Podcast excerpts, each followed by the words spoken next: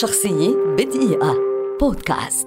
روني ديكارت فيلسوف وعالم رياضي وفيزيائي فرنسي ولد عام 1596 ولقب بأبي الفلسفة الحديثة وكثير من الأطروحات الفلسفية الغربية التي جاءت بعده هي انعكاسات لأطروحاته وما تزال تدرس حتى اليوم خصوصا كتاب تأملات في الفلسفة الأولى. الذي ما زال يشكل النص القياسي لمعظم كليات الفلسفة. لديكارت تأثير واضح في علم الرياضيات فقد اخترع نظاما رياضيا سمي باسمه وهو نظام الإحداثيات الديكارتية الذي شكل النواة الأولى للهندسة التحليلية فكان بذلك من الشخصيات الرئيسية في تاريخ الثورة العلمية. وديكارت هو الشخصية الرئيسية لمذهب العقلانية في القرن السابع عشر وهو صاحب المقولة الشهيرة أنا أفكر إذا أنا موجود.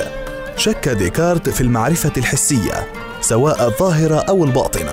وكذلك في المعرفة المتأتية من عالم اليقظة كما شك في قدرة العقل الرياضي على الوصول إلى المعرفة وشك في وجوده إلى أن أصبح شكه دليلا عنده على الوجود. فقال كلما شككت ازددت تفكيرا فازددت يقينا بوجودي. جعل ديكارت علم الأخلاق رأس الحكمة. وتاج العلوم وقال إنه لا بد من الاطلاع على كل العلوم قبل الخوض في علم الأخلاق. في السويد أصيب ديكارت بالتهاب رئوي فرفض نصائح الأطباء وآثر أن يعالج نفسه بنفسه. وعندما اشتد عليه المرض توفي عام 1650 تاركا إرثا فلسفيا ورياضيا قل نظيره. شخصية بدقيقة. بودكاست.